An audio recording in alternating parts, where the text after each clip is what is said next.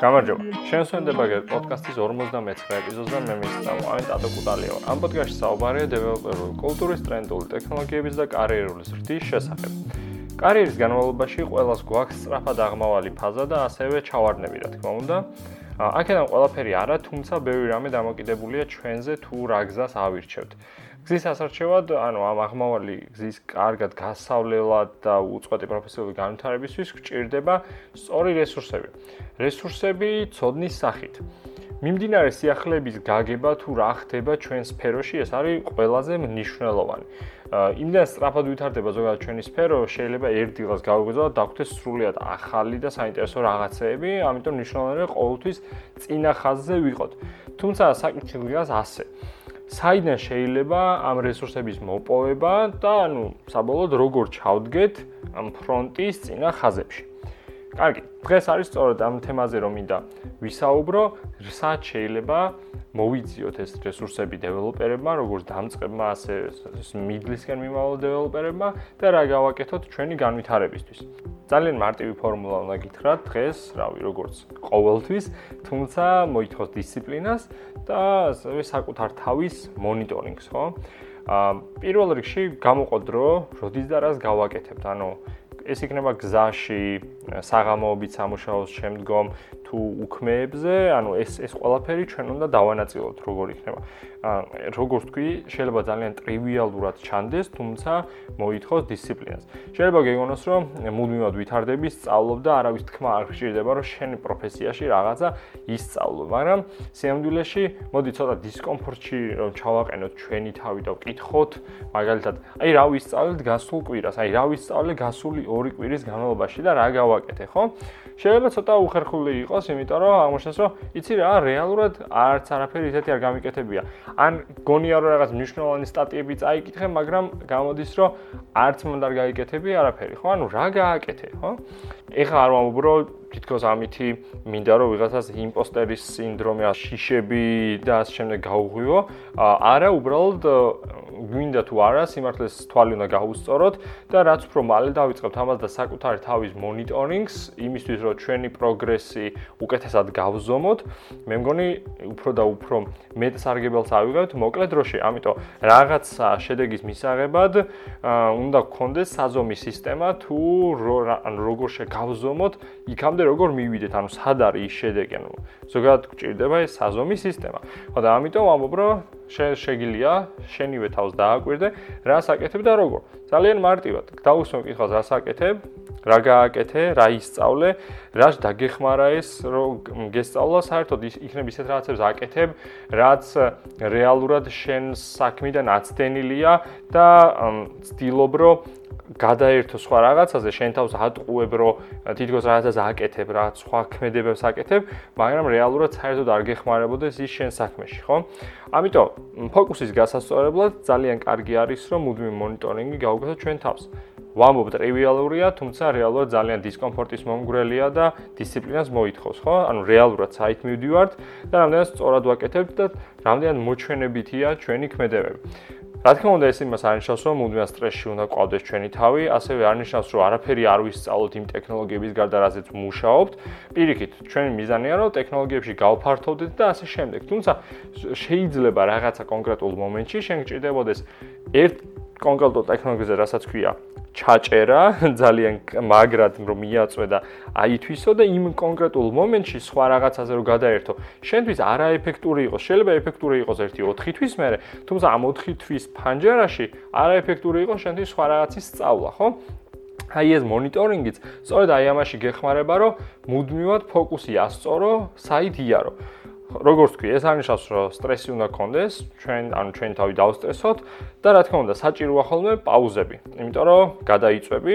ყველა ადამიანს აქვს სხვადასხვა ციკლი ამისთვის, ზოგ შეუძლია რა ერთი წელი საერთოდ არ აისვენოს, პაუზა არ აიღოს და შემდგომ, როდესაც რაღაც ერთ თავს დახურავს საკუთარი კარიერის, ასე ვთქვათ, საკუთარ ციგნში, შემდგომ დაისვენოს და რაღაც პაუზა აიღოს და შემდგომ მთლიანად ახალი, სუნთქვით, შეუტიოს ახალ თემებს. ამიტომ აუზები ყველა ადამიანმა თავის თავზე უნდა მოირგოს, ისევე როგორც ყველა ადამიანმა თავის თავზე უნდა მოირგოს ეს დინამიკა თუ რა სისწავლის, რა პერიოდი და ასე შემდეგ.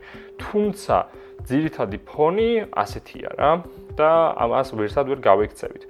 მეც როდესაც რაღაცა მჭირდება, ხშირად ვიწერ, ასევე ვიწერ ხოლმე რომ რა უნდა გავაკეთო მომავალში, ანუ იმიტომ ძალიან ბევრი თემაა ხა რომელიც მაინტერესებს. იმდენი თემა რომელსაც ვერ გავწვდები რომ მოკლე პერიოდში ვისწავლო, ამიტომ მუდმივად ვამონიტორინგებ ხა რას ვსწავლობ, რას ვაკეთებ, თქვა რა ვისწავლე, რამდენად ღირდა, მომავალში რომელი თემა ჯობს რომ პირველად გადავხედო, ვისწავლო, შეიძლება პროგრესი ნახევრამდე მივიყვანო და სხვა გავაგზავნო, იმიტომ რომ ახლა ის რელევანტურია და შემდგომ დაუბრუნდე იმ ძველ საკითხს. უბრალოდ ყოველთვის მნიშვნელოვანი ასეთი აცების კეთება. მეორე არის რომ სად ვეძებოთ ახლა საინტერესო რესურსები. რა თქმა უნდა, საქართველოს ძალიან პოპულარული არის Facebook ჯგუფები და ზოგადად Facebook-ში კომუნები, ამიტომ აუცილებლად Facebook ჯგუფები რელევანტურ ტექნოლოგიებს და ზოგადად დეველოპერული კომუნის, ანუ რაც მეტი კონტაქტი გეყოლება და რაც უფრო მეტად იქნები იმ კომუნაში გამჟდარი, დიდი შანსია რომ უფრო და უფრო საინტერესო რაღაცები გაიგო, ხო? ამიტომ Facebook ჯგუფები, რა თქმა უნდა, Twitter-ი, Twitter-ზე დააფოლოვეთ ყველა ის დეველოპერიც, ვინც გლობალურ ან უცხოურ კომუნაში ცნობადი არის და საინტერესო რესურსებს წერენ, იმიტომ ძალიან საინტერესო რაღაცების გაგება შეიძლება Twitter-იდან, ანუ ისე რომ შეიძლება 10 წუთის გამოსული იყოს რაღაცა და Twitter-ზე უკვე გავრცელდა და შეიძლება რომ ამ ფრონტის წინა ხაზზე იყო და შემდგომ შენ იყო ის ადამიანი, ვინც ან ლოკალურ კომუნაში შემოიტანა სიახლეებს. ასევე Reddit-ი სპეციალური subreddit-ებით, მაგალითად Android-ს ყველაზე ცნობილი ორი subreddit-ი აქვს Android Dev და Android Creator Devs-ი და Medium-ები. Medium-ები ძირითადად იმიტომ რომ საინტერესო სტატიები იწერება. თუმცა ეს არ ნიშნავს რომ ყველაფერი უნდა ვიკითხოთ Medium-ზე. არც ის მას ნიშნავს რომ ჩვენი დროის 90% უნდა დავხარჯოთ Twitter-ზე და Reddit-ზე. ну ზოგი ვხარჯოთ, მაგრამ ანუ ნიშნავს რომ Medium-ზე ყველაფრის დაწერის უფლება აქვს ყველას. ეს ნიშნავს, რომ ძალიან ბევრი ნაგავი, ძალიან ბევრი გადაუმოწმებელი ინფორმაცია ხდება Medium-ზე. ამიტომ ნებისმიერი რაღაცა, რასაც წაიკითხავთ, არ ნიშნავს, რომ უეჭველი ვიღაცამ თქვენზე უკეთიცის რაღაცა და რაღაცას კარგად მიაგნო. ნებისმიერ რაღაცას უნდა შევხედოთ სკეპტიკურად და გადავიაზროთ. უბრალოდ ძალიან კარგი წყალროა სხვა ადამიანების ნააზრების, ნაფიქრალის დასანახად Medium-ი. ამიტომ დაუმეგობრდით ყველა ამ პლატფორმას. და მესამე, ანუ ყველაზე მნიშვნელოვანი ალბათ რაც არის, არის შეკრებები, ეს მითაფები.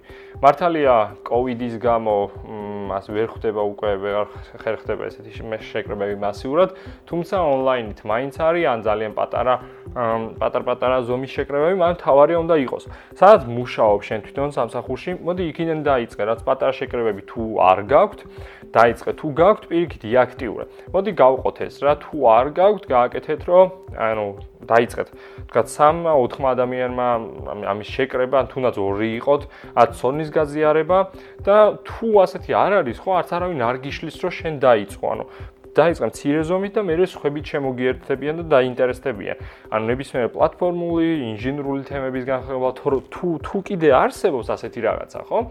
მაშინ აიღე ინიციატივა და წარუდგინე შენი თქვათ თემა ერთ კვირას სხვა ადამიანებს ისაუბრე შენი ყავი ასე თქვათ წარუდგენი. ეგ არნიშნავს რომ შენ უნდა იყო მაგ თემის ექსპერტი. შეგიძლია სულ ახალი თემა წარუდგინო რომელსაც შენ თვითონ არჩევ მაგრამ გარჩევის პროცესში ხარ და სხვებიც გინდა რომ დააინტერესო და გაახედო ამ ხრივ რომ ჰეი ნახე მე იქით ხარ რაღაცა ვიპოვე ძალიან საინტერესო რაღაცა შეიძლება თქვენს დაგაინტერესოთ და მოდი შემომიერთდით ამ გზაზე და მე დაგანახებთ ანუ რა იშლება ამ პეიზ ანუ აქ პეიზაჟი როგორი არის. და მე თქვენ გადაწყვიტეთ. და ანუ ძალიან ანუ ძალიან კარგი იქნება ასეთი ასეთ შეკრებები პლუს დაგეხმარება პრეზენტაციის უნარჩვევებში და დაგეხმარება ზოგადად გამოცდილების მისაღებად, ხო? თან როდესაც სხვებისთვის მოსაყოლად ამზადებ თემას, ნიშნავს რომ შენ თვითონ უკეთესად სწავლობ.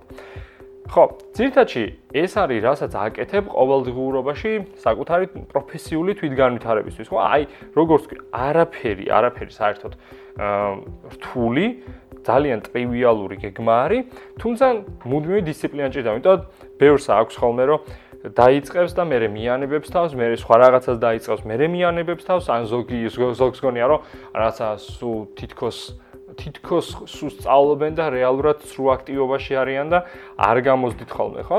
დიდი დისციპლინა უნდა რომ შენ თავს დააძალო და გამოწვრთნა ისე რომ ყველაფრისგან ყოველთვის ცოდნას იღებდე და ცდილობდე რომ ყველაფრისგან ანუ რაღაცები შეაკოწიწო და საკუთარი თავის განვითარების გზა იპოვო მაგაში.